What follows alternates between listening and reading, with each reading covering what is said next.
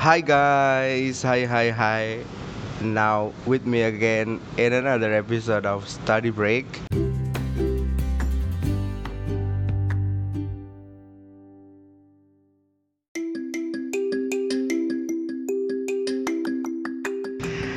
Sekarang gue lagi berada di atas angin, maksudnya di atas awan, tempat yang enak banget, angin-anginnya dingin, mood gue lagi bagus, Eh, dan gue sekarang lagi sama temen gue SMA.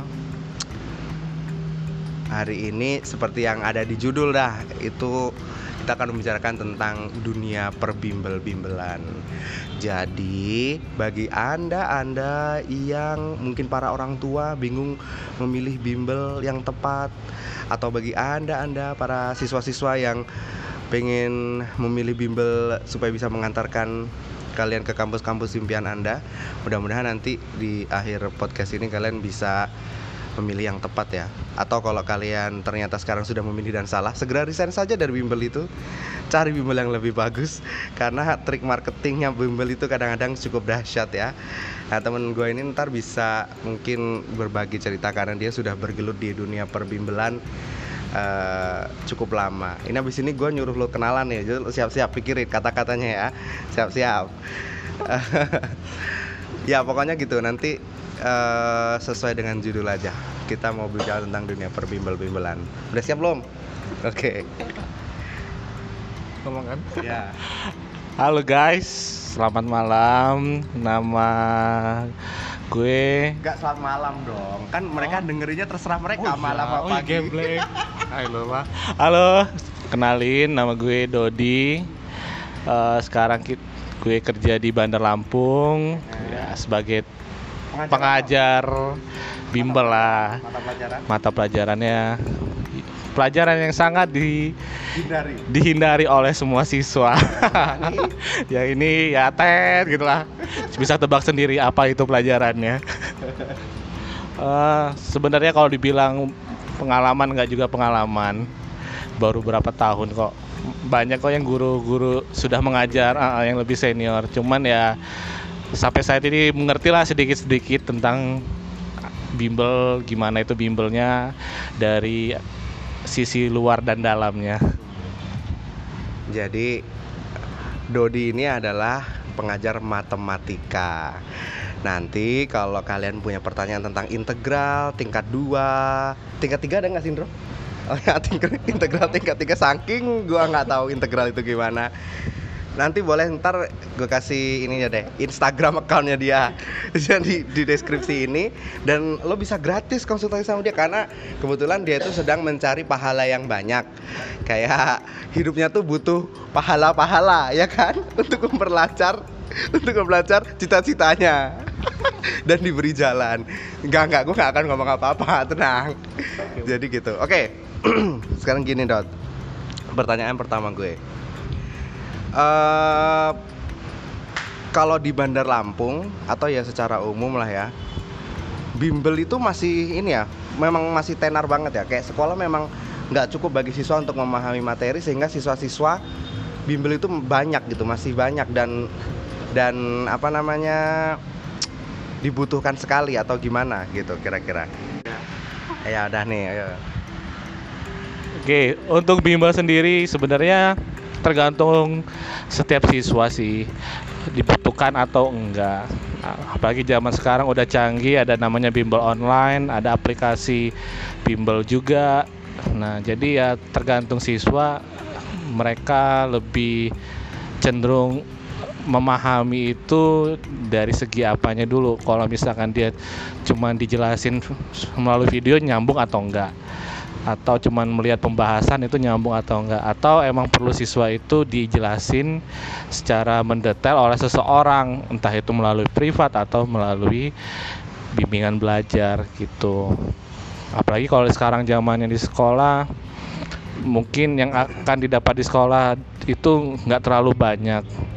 Ditambah sekarang untuk persaingan masuk perguruan tinggi kan itu sangat susah dengan soal-soal yang tipe HOTS dan semakin banyak siswa yang mulai terbuka pikirannya untuk melanjutkan ke jenjang yang lebih baik lagi seperti kuliah.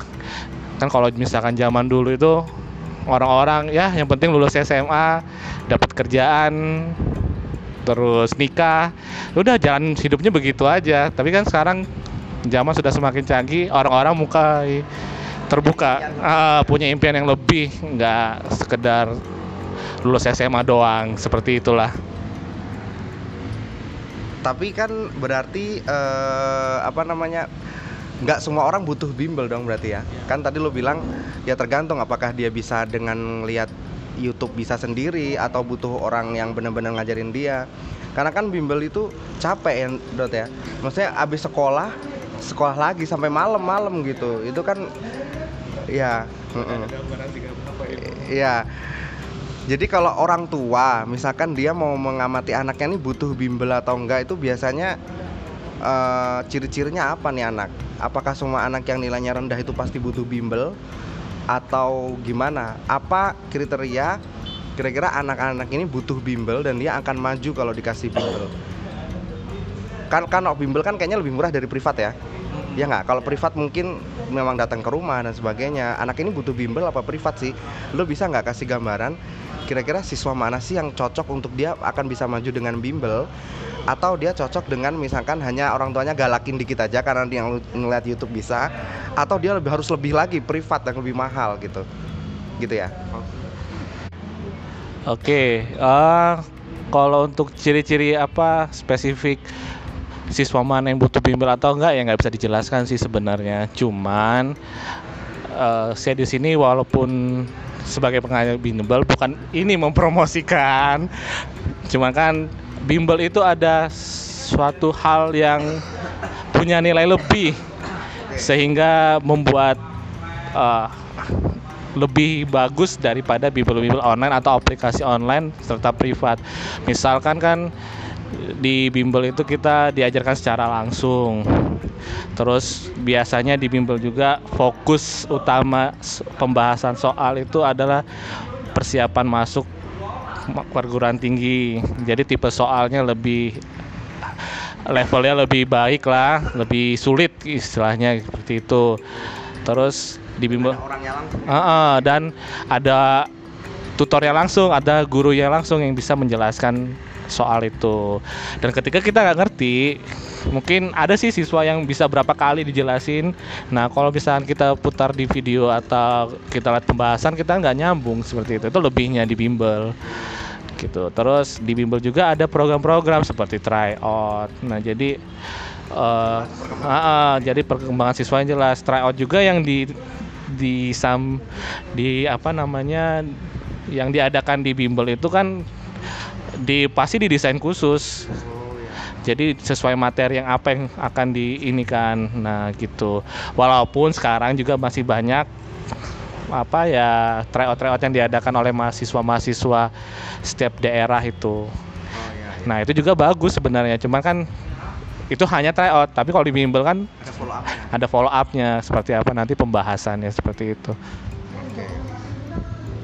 Jadi uh, kalau dibilang sis agak susah juga ya ini siswanya cocoknya bimbel atau enggak cuman kelebihan bimbel tuh kira-kira seperti itu. Dan pasti harganya lebih murah dari privat sepertinya sih. Kemudian kalau orang udah memutuskan oke okay, anak gue bimbel nih. Bimbel kan pilihannya banyak banget. Apa kira-kira ciri-ciri bimbel ini bagus gitu? Yang misalkan gue punya anak terus gue datang survei ke bimbel-bimbel. Apa yang harus gue lihat apa yang harus gue observasi dari bimbel itu supaya gue punya punya sedikit apa ya informasi mendasari bahwa oh bimbel ini sepertinya bisa dipercaya nih bisa ini dan sebagainya. Tapi jangan nyebut merek ya. Iya. jangan nyebut merek nih. Nanti ini konflik soalnya. Iya. ya udah siap? Udah. oke. Ah ciri-cirinya sebenarnya mau ciri-ciri apa aja semua bimbel itu bagus intinya seperti itu. Bimbel mengajarkan hal-hal yang akan diajar apa yang akan diteskan nanti soal-soalnya seperti itu. Cuman yang bisa kita nilai adalah kita lihat aja uh, alumni yang sudah lulus itu. Jadi uh, dia alumni dari SMA berapa, lulus di mana. tapi jangan salah walaupun dia lulusnya di bagus tapi kalau emang SMA-nya bagus ya itu bukan hanya usaha dari bimbel sih sebenarnya. Emang dia kualitas dia di sekolah sendiri dan udah bagus gitu. Jadi itu juga bukan suatu hal yang spesifik sih untuk ciri bagus bimbel atau enggak. Tapi itu bisa jadi gambaran. Ah, bisa jadi gambaran. Kayak misalkan Oke, berarti ini bagus nih. Pertama, lihat dulu alumni-alumninya.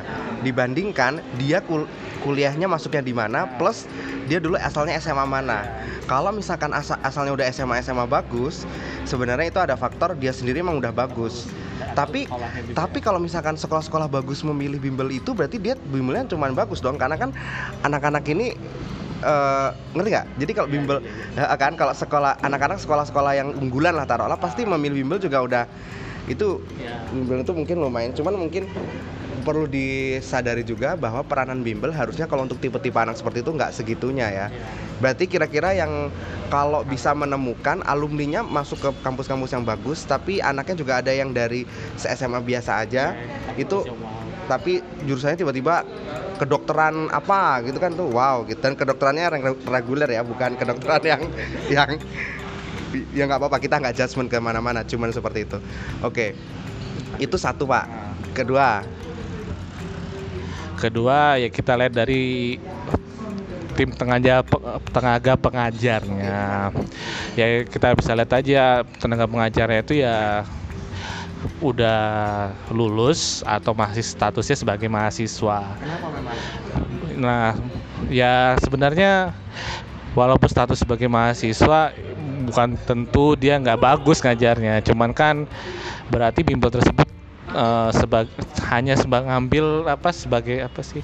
Part time. Ah, ngam- Lihat lagi dong. Oh belum. Jadi bimbel itu tuh ya mengambil guru untuk sebagai part time aja sebagai peng- tenaga pengisi pengajar yang kosong seperti itu. Yaitu turnovernya akan lebih besar ya ganti-gantinya kalau kayak gitu. Oke ya terus terus yang kedua ya dilihat dari fasilitas sih sebenarnya. Ya fasilitasnya. Maksudnya di sini fasilitasnya bukan hanya fisik. Yang dilihat dari apa sih program-program yang akan didapatkan nanti ketika kalian masuk di bimbel itu. Jadi eh, misalkan apa tryoutnya yang jarang atau tryoutnya eh, apa tryout yang rutin. Nah terus ada sih bimbel yang kalau udah tryout ya udah nggak usah dibahas. Tapi ada juga yang soal tryout itu nggak boleh disia-siain wajib dibahas seperti itu. Oke, eh, mengenai tryout nih Pak, ini kita mau persempit ya dengan mereka-mereka yang kelas 3 SMA nih yang memang mau perguruan tinggi lah ya. Kan sebenarnya kan bimbel kan banyak ya SMP juga ada kan kayak kelas tengah-tengah juga ada aja. Tapi coba kita persempit ke eh, mereka-mereka yang kelas 12 dan ini menyongsong mereka mau apa tuh namanya SBMPTN namanya Mas Yan ya? Oh UTBK, gila itu ketahuan tua banget. UTBK. Eh, untuk kelas 12, adakah ciri-ciri yang lebih spesifik lagi tentang tryout ini? Maksudnya kalau gua dulu misalkan bimbel ya tryout tryout ada-ada aja, tapi salah satu komponen di tryout itu misalkan dia bisa eh, memberikan nilai yang nilai itu bisa ditarik kepada seberapa jauh standar nilai kita dengan standar nilai yang di kampus-kampus. Apa atau passing grade lah ya. Cuman data passing grade sendiri kan sebenarnya itu tidak dibuka kan oleh pemerintah oleh sebagainya. Dan eh, gimana caranya? Dan eh, bimbel ini dapat in- info passing grade itu dan eh, apa namanya apakah itu juga ak- gimana keakuratan yang gimana sih cara menghitungnya sebenarnya? Untuk ya mungkin nggak akan seakurat itu ya tapi mendekati lah karena kan nggak dibuka datanya kan. Jadi ciri-ciri bimbel yang bisa datanya akurat untuk data passing grade saya kasih tahu sedikit passing grade itu sebenarnya udah nggak ada lagi sekarang. Oke. Yang sekarang kita gunain adalah nilai UTBK oke kan kalau kita lihat tahun lalu rentangnya dari dari 200 sampai 1000 oke setiap pelajarannya. Nah, jadi kita lihat aja tanya eh sebenarnya kalau untuk nilainya sendiri itu kalian bisa tanya misalkan kalian punya kakak kelas saya tahun lalu masuk ITB atau masuk UI atau masuk yang fakultas yang wow gitu coba kalian tanya nilai per pelajarannya itu di kisaran berapa biasanya untuk masuk universitas yang bagus itu biasanya nilai pelajarannya harus di rentang 800-an Oke minimal ya 700 lah gitu. Jadi kalau misalkan passing ke sendiri nggak ada.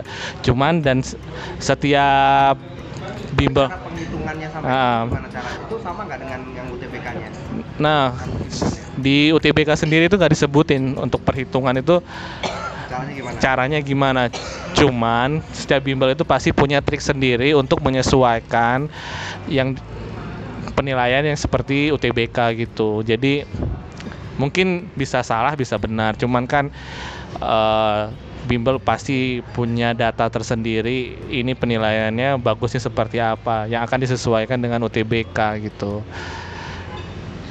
Tapi kita boleh nggak sih dot misalkan kita tanya sama bimbelnya ya Eh, boleh dong gue minta eh, data misalkan anak yang dulu di elo terus ada nilai tryoutnya. Nilai UTB kan ini tryoutnya tryout UTBK dibandingkan dengan nilai UTBK benerannya ketika dia tes itu boleh nggak di kita nanya kayak gitu di bimbel? Dan datanya ada kan kalau memang dia bimbel yang bagus? Iya. Ya mungkin sebenarnya kalau mau kerja lebih ribet ya paling paling deketnya sebelum ke bimbel lo tanya ke anak lo semua tanya ke alumni alumni aduh motor ini berisik banget dah. Ya iklan dulu ya dipersembahkan oleh Jupiter Z MX Turbo. Jadi tanya dulu ke alumni alumni dia nilai UTBK-nya berapa dan dia dulu eh, dia masuk ke mana supaya lo bisa ada gambaran gitu. Em, Oh berarti kalau bimbel-bimbel yang masih kayak pakai kata-kata kayak gua yang passing grade passing grade itu Nah bimbel ini tanda tanya nih berarti ya. Karena udah nggak ada cuy.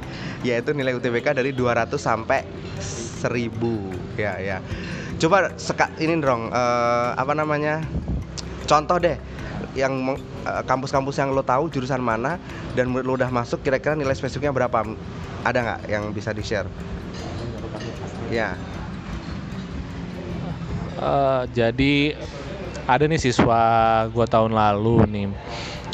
Dia kisaran nilainya 700 lah dan dia bisa itu tryout juga 700 dan hasilnya juga 700 eh, kalau untuk tryout dia biasanya sih kisaran 500 600 dan alhamdulillah pas UTBK dia bisa dapat 700 eh, lebih tinggi dari itu 700-an.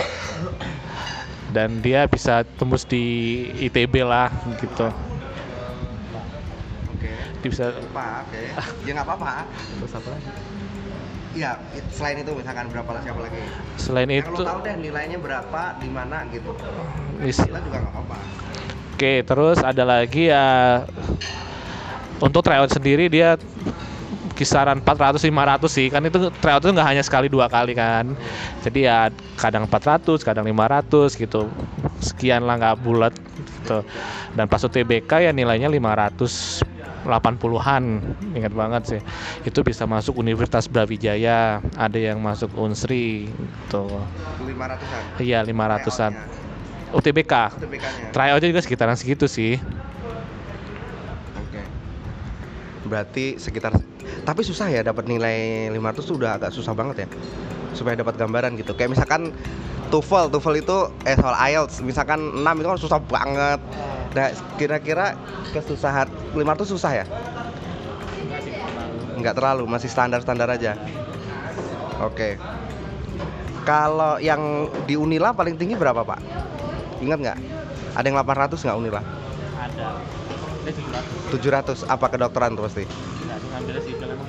Oh teknik sipil, teknik sipil 800 di Unila 700, 700 Oke oke oke oke. Oke jadi kalau untuk kelas 12 itu silahkan dikoreksi sendiri. Dan menurut saya sih tryout itu yang penting banget ya. Dan eh, supaya kita benar-benar bisa tahu posisinya di mana apa eh, kemampuan kita terhadap jurusan yang kita pengenin. Oke terus sekarang eh apa lagi ya? Oke tambahin jadi kalau mau melihat in, bagus atau tidaknya sih ya saran aja ya. Banyak tanya tentang sistem terbaru yang sekarang ini. Jangan jangan sampai kalian bimbel di tempat yang kurang update seperti itu. Jadi sekarang kan sistemnya tuh banyak banget yang berubah-berubah. Contoh? Contohnya ya UTBK ini kan kalau sekarang baru tahun kemarin. Ya? Ah, baru tahun lalu. Jadi dia nggak ada sistem minus nah jadi semua bimbel pasti harus tahu seperti itu bentuknya. Dan sistem soal uh, penilaian juga dan tipe soalnya juga itu jauh beda dengan tahun-tahun yang lama. Gitu. Dan jumlah soalnya pun juga beda. Misal gitulah pokoknya. Apaan? terus kayak misalkan ya sekarang masuk kedinasan bentuk soalnya seperti apa tesnya tipe-tipe soalnya seperti apa yaitu kalian harus tanya juga lebih detailnya apalagi kalau misalkan kalian kurang paham nah jadi harus ada bimbel yang bisa mengarahkan kalian untuk mengetahui gitu Oke. Eh, aduh, banyak banget iklannya dah. Emang di Bandar Lampung banyak motor-motor kayak gitu ya, Drong? aduh, aduh.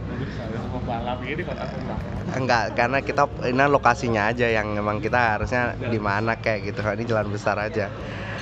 Oke. Coba sekarang tadi pokoknya pertama lihat eh, apa tadi, Drong? Alumni yang udah lulus habis itu guru habis itu tryout programnya harus ada tryout yang ada follow follow upnya terus pengetahuan tentang eh, bimbel ini terhadap update sistem. Ya ya update sistemnya gimana jadi tapi ya syaratnya lo harus juga tahu sistemnya gimana. Supaya ntar lo harus tahu kalau lo ini orang ini bener apa enggak gitu kan kira-kira. Kita sendiri harus cari tahu informasinya dari mana. Coba sekarang gini dong gue mau tanya tentang jurusan-jurusan. Oke, sekolah itu kan banyak ya. Ada sekolah kedinasan, ada perguruan tinggi negeri, ada perguruan tinggi swasta. Kedinasan masih banyak diminati ya. Stan gitu pasti masih banyak, masih banyak banget. Tapi kalau stan sistemnya berubah nggak dari yang zaman-zaman berubah? Eh, kayak STIS juga berubah. Terus eh, coba gue pengen gini deh, supaya misalkan anak-anak yang masih belum tahu bahkan jurusannya mau masuk apa, eh di bimbel itu ada konseling jurusan gitu nggak sih? Yang bimbel bagus ada kali ya? Ada. Peng- Hmm. Eh, kalau sekarang nih trennya lagi jurusan apa yang banyak diambil orang, Ndrong? Computer science pasti. Atau kedokteran masih tinggi? Kedokteran masih. Kalau hukum, akuntansi itu tetap favorit ya. Kalau di perguruan tinggi swasta misalkan yang hukumnya bagus apa? oh pokoknya sebenarnya ya cari-cari sendiri kalau itu ya. Gampang lah itu tinggal di, di riset-riset aja dan sebagainya. Oh coba kedinasan deh. Anak-anaknya belum tahu tentang kedinasan nih. Kenapa? Oke.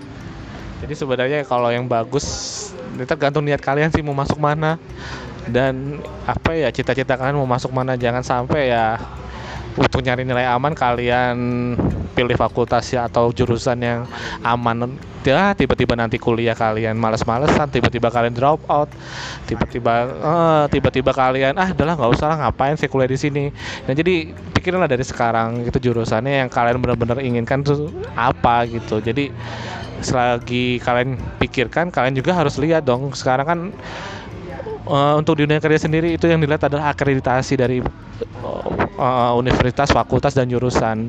Jadi kalian bisa lihat jurusan yang kalian mau tuh bagus atau enggak akreditasinya gitu. Seenggaknya kalian bisa lihat jurusan atau universitas itu yang akreditasinya B gitu. Jangan nyampe kalian kuliah di tempat yang C karena persaingan sekarang agak berat nih.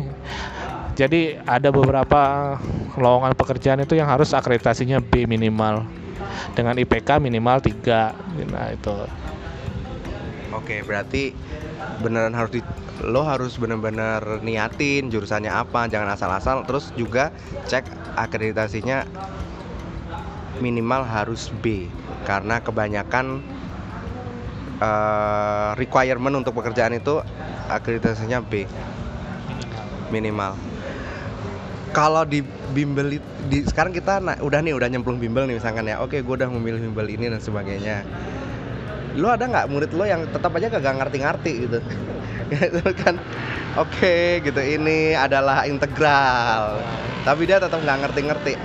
Posisinya anak-anak itu kalau yang lo dapet yang lo lagi lo mau ajar gitu udah didapat di lo nih itu kebanyakan udah siap tempur atau masih jauh gitu?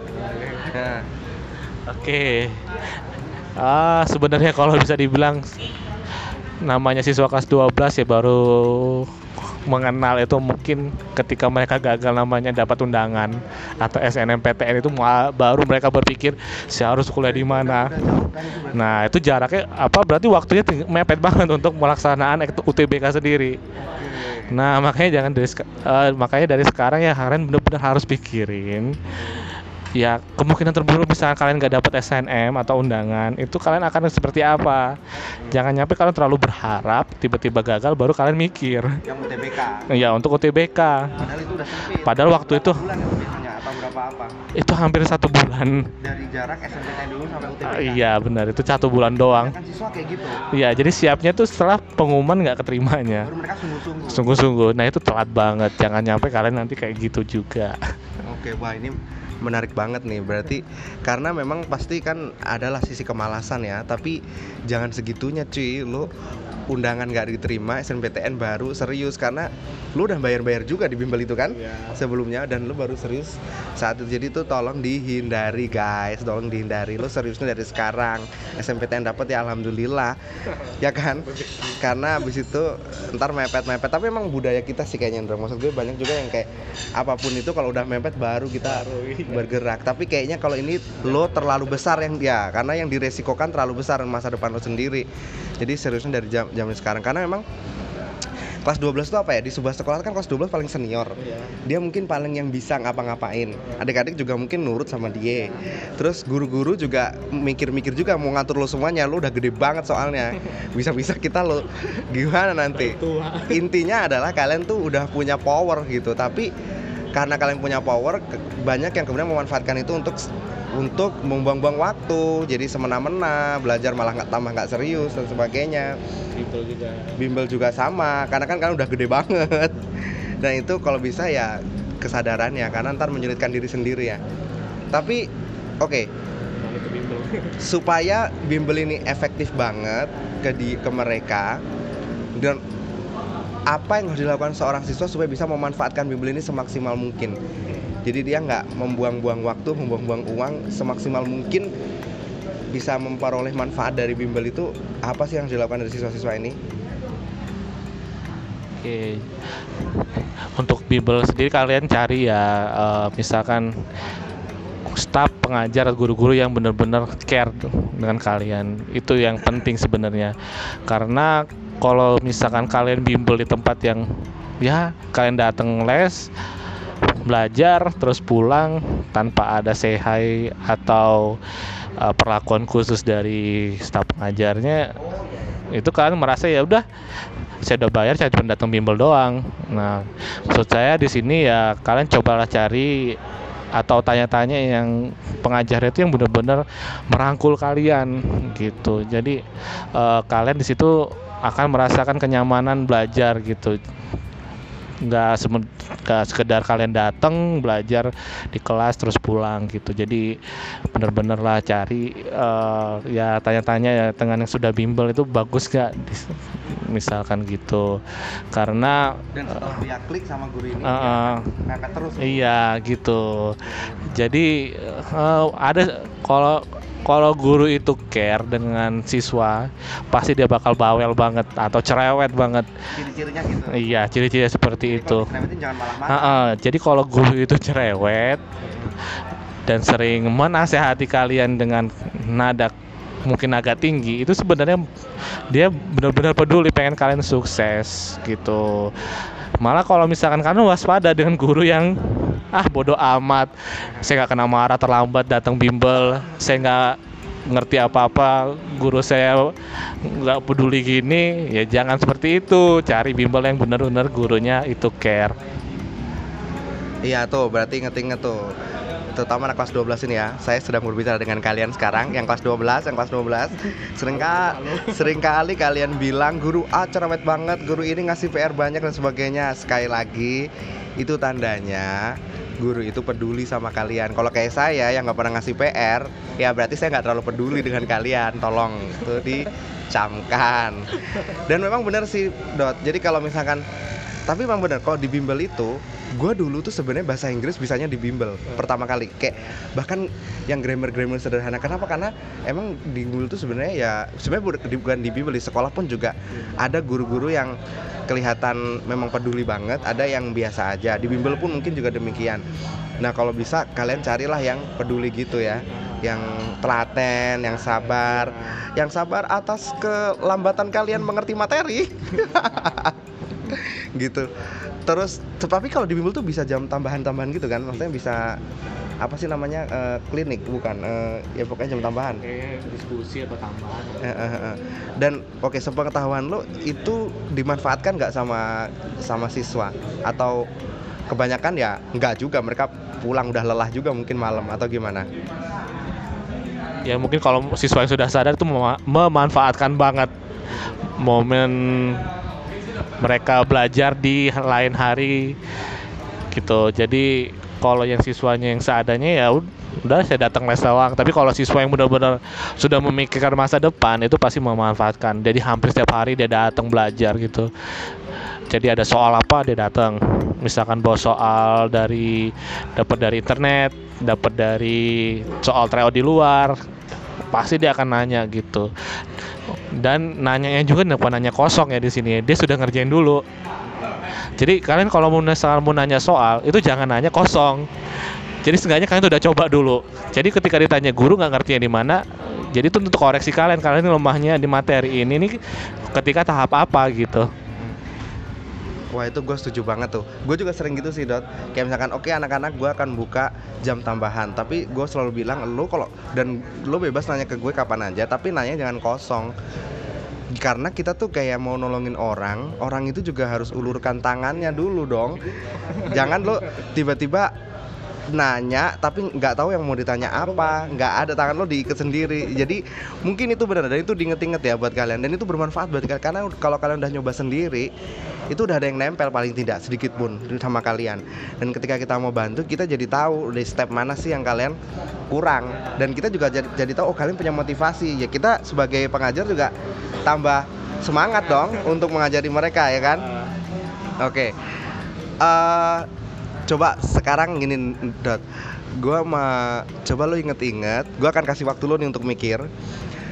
Coba berikan kisah siswa lo perjuangan siswa lo yang paling lo inget karena mungkin mungkin bisa dari faktor dia tadinya bandel terus jadi ini atau uh, seberapa keras perjuangan dia untuk mendapatkan apa dan sebagainya seberapa uh, apa namanya besar usahanya sehingga dia akhirnya masuk ke jurusan yang dia inginkan.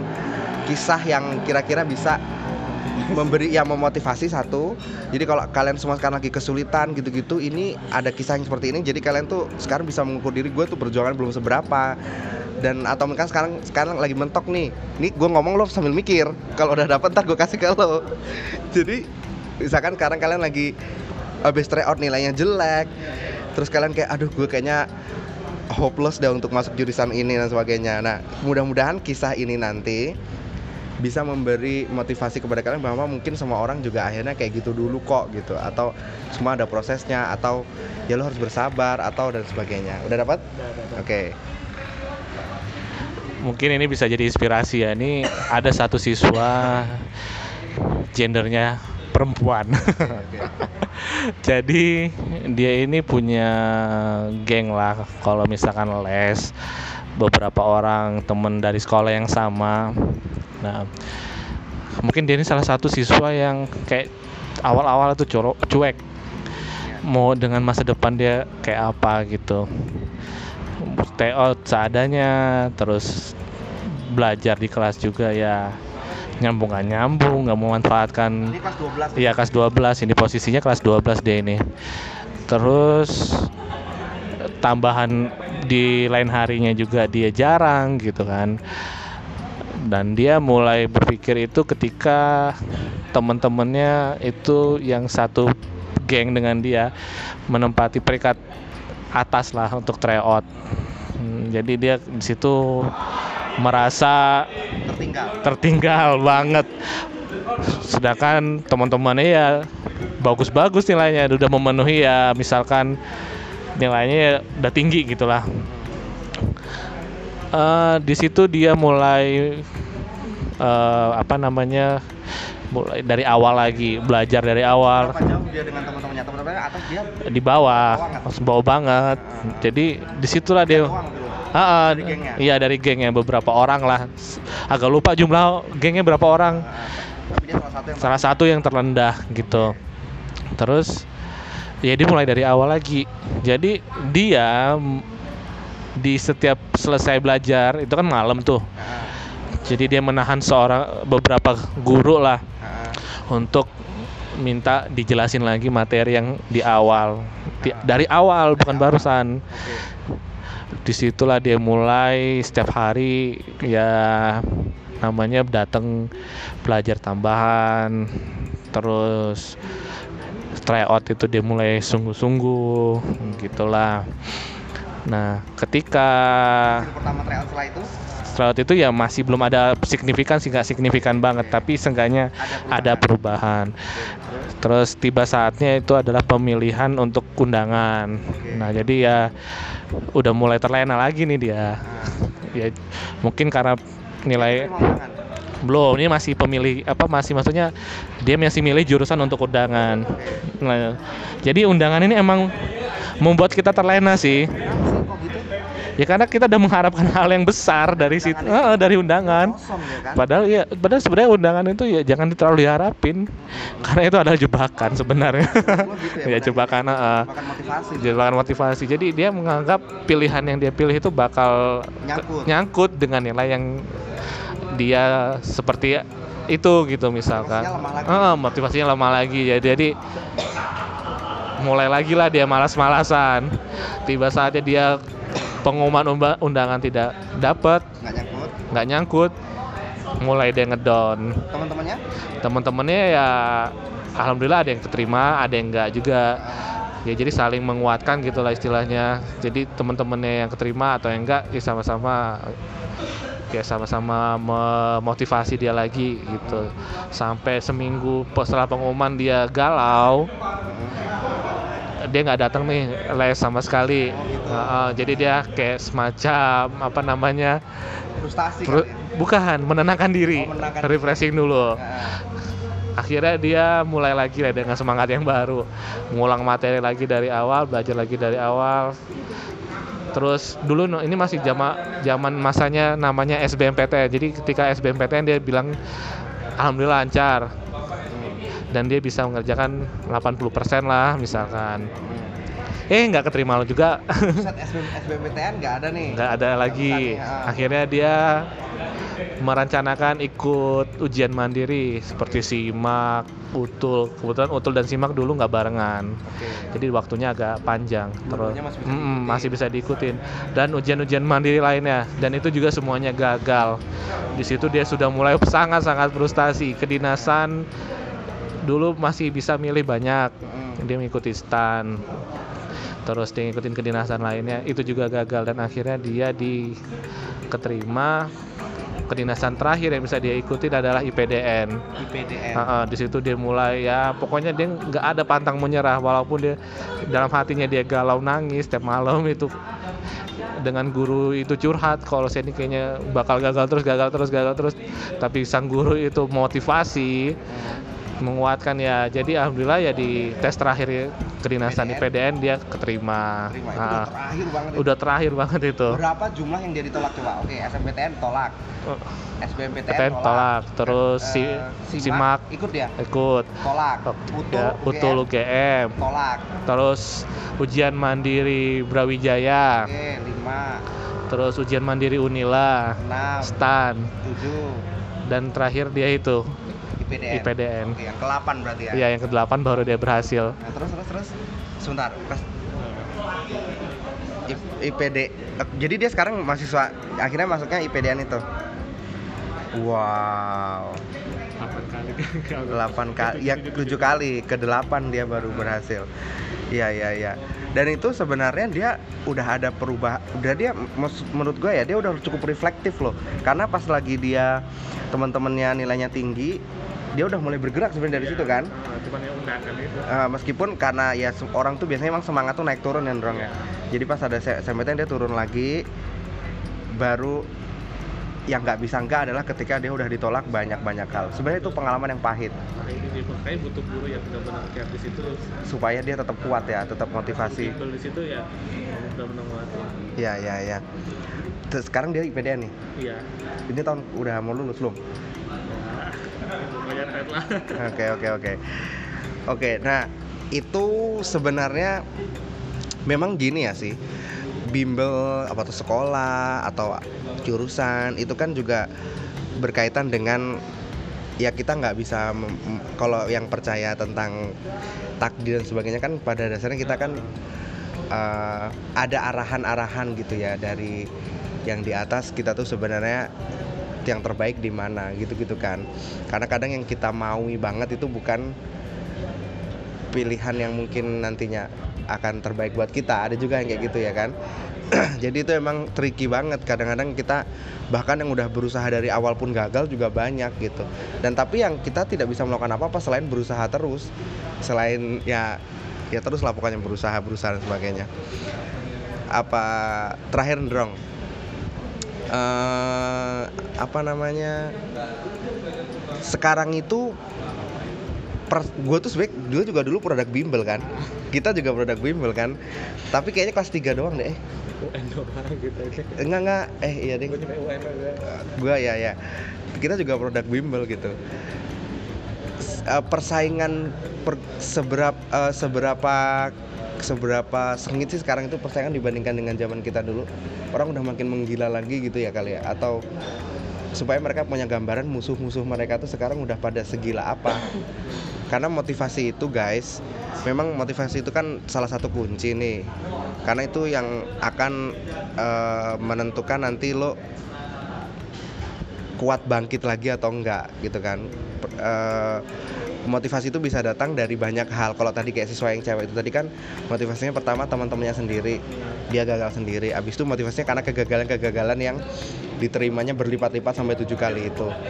Nah ini barangkali kalau kalian bisa tahu gambaran siswa-siswa lain tuh sudah segila apa mungkin kalian bisa menjadi itu menjadi motivasi. Emang sekarang udah sesengit apa sih? Apakah orang udah bimbel tuh segila gitu gitu? Maksudnya anak-anak tuh trennya meningkat gak dibandingkan kita dulu untuk untuk persiapan ini gitu.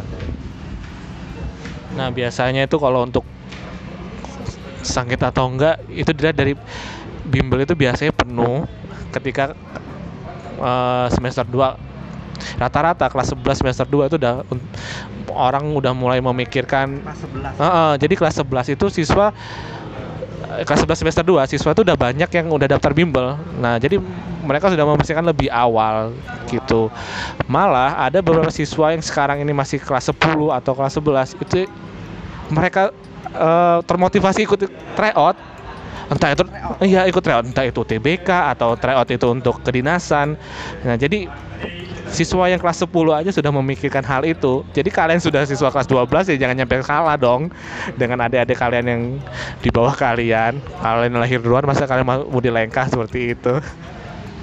Wah itu jawaban yang bagus banget sih Ndrong untuk menggambarkan betapa sekarang bertambah sengitnya persaingan ini semua ya.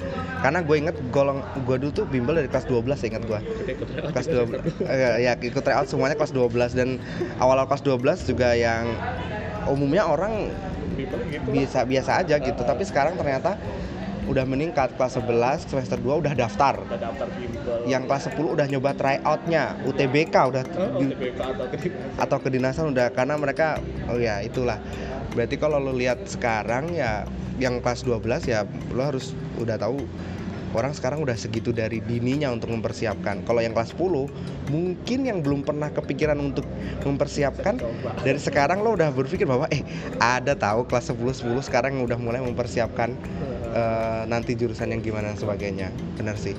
Karena ya jangan sampai nanti kalian udah terlambat gitu udah kebanyakan udah waktu tinggal sedikit dan kalian kebanyakan nggak nggak memanfaatkan itu dengan baik udah mungkin ada yang mau disampaikan terakhir Jadi ya ya pesan-pesan terakhir pesan-pesan terakhir. Jadi intinya manfaatkanlah eh, kemampuan orang tua kalian yang ada duit lebih untuk ikut bimbel. Pilih ya bimbel itu ya sudah kita bilang tadi di awal seperti apa. Terus yang kedua karena itu karena orang tua yang akan membiayai kalian selama kalian bimbel dan kuliah minta restulah dulu dengan orang tua. Itu penting banget. Jadi em, ya dari awal kalian udah harus fix nih. Dari kelas 11 kalian sudah fix ini. Misalkan saya jurusannya nanti jurusan A. Orang tua juga harus setuju karena tanpa adanya restu dari orang tua usaha kalian juga akan kayak seperti sia-sia gitu. Nah, ya itu tuh terbukti banyak kasus. Ada beberapa yang ah nekat lah orang tua saya maunya ini saya nggak mau. Itu nggak bisa kayak gitu. Kalau kita ah, ikhlas. seperti itu. Ya mungkin ada tapi ya nggak banyak kalau misalkan dia melawan kehendak dari kemauan jurusan orang tua. Cuman ya jangan sampai kayak gitu Oke, ya sih. Gue juga ngerasa orang tua itu memang eh, apa ya doanya pasti manjur banget. Cuman mungkin kalian akan berpikir bahwa aku nggak mau diatur atur orang tua. Sebenarnya konteksnya bukan diatur atur orang tua sih, karena orang tua ini juga harus diberi pengertian juga ya kan. Mungkin orang tua juga pengetahuan tentang jurusan nggak segitunya. Orang tua juga diberikan diberi latar belakang sesuai dengan pengalaman hidupnya bagaimana. Memang harus tapi tetap restu itu penting banget. Gue juga setuju itu. Atau kalau emang kalian mau dibantu orang tua itu mengerti jurusan yang kalian mau ajaklah orang tua ke bimbel kalian. Nah di situ kita eh, kalian mintalah diskusi dengan guru yang mengerti. Nah nanti akan kalian dibantu. Gitu. Jadi biasanya kalau guru bimbel itu akan membantu menjelaskan jurusan yang apa kalian mau. Itu nanti prospeknya seperti apa kemampuan kalian sanggup atau enggak itu akan dinilai dan dilihat dari hasil tryout. Makanya kalau ada tryout di bimbel-bimbel jangan sampai dilewatkan. Kalian akan nyesel sendiri. Ya dan mendingan jangan nyontek pas tryout. Karena kan kalau nyontek gimana caranya kalian bisa? Ah, Datanya nggak valid ntar. Ya udah semoga sukses buat kalian-kalian yang sekarang sedang mengejar mimpinya. Kalian masih muda. Se- Selagi masih muda ya dikejar dengan benar Itu aja episode kali ini Terima kasih Pak Dodi Ahmad Sidik Nanti link Instagramnya gue kasih di description ya, boleh ya. Nanti kalau ada DM DM mau nanya-nanya tentang matematika, boleh sama Pak Dodi. Kayaknya Pak Dodi juga menjual produk-produk semacam eh, bank soal, ya kan? Bisa, bisa diatur, bisa diekspor dari Lampung ke mana saja kalian berada. Karena sekarang eh, JNE, wah man- nyebut merek gua, jasa-jasa pengiriman udah banyak. Terima kasih banyak. Sampai jumpa guys. Bye.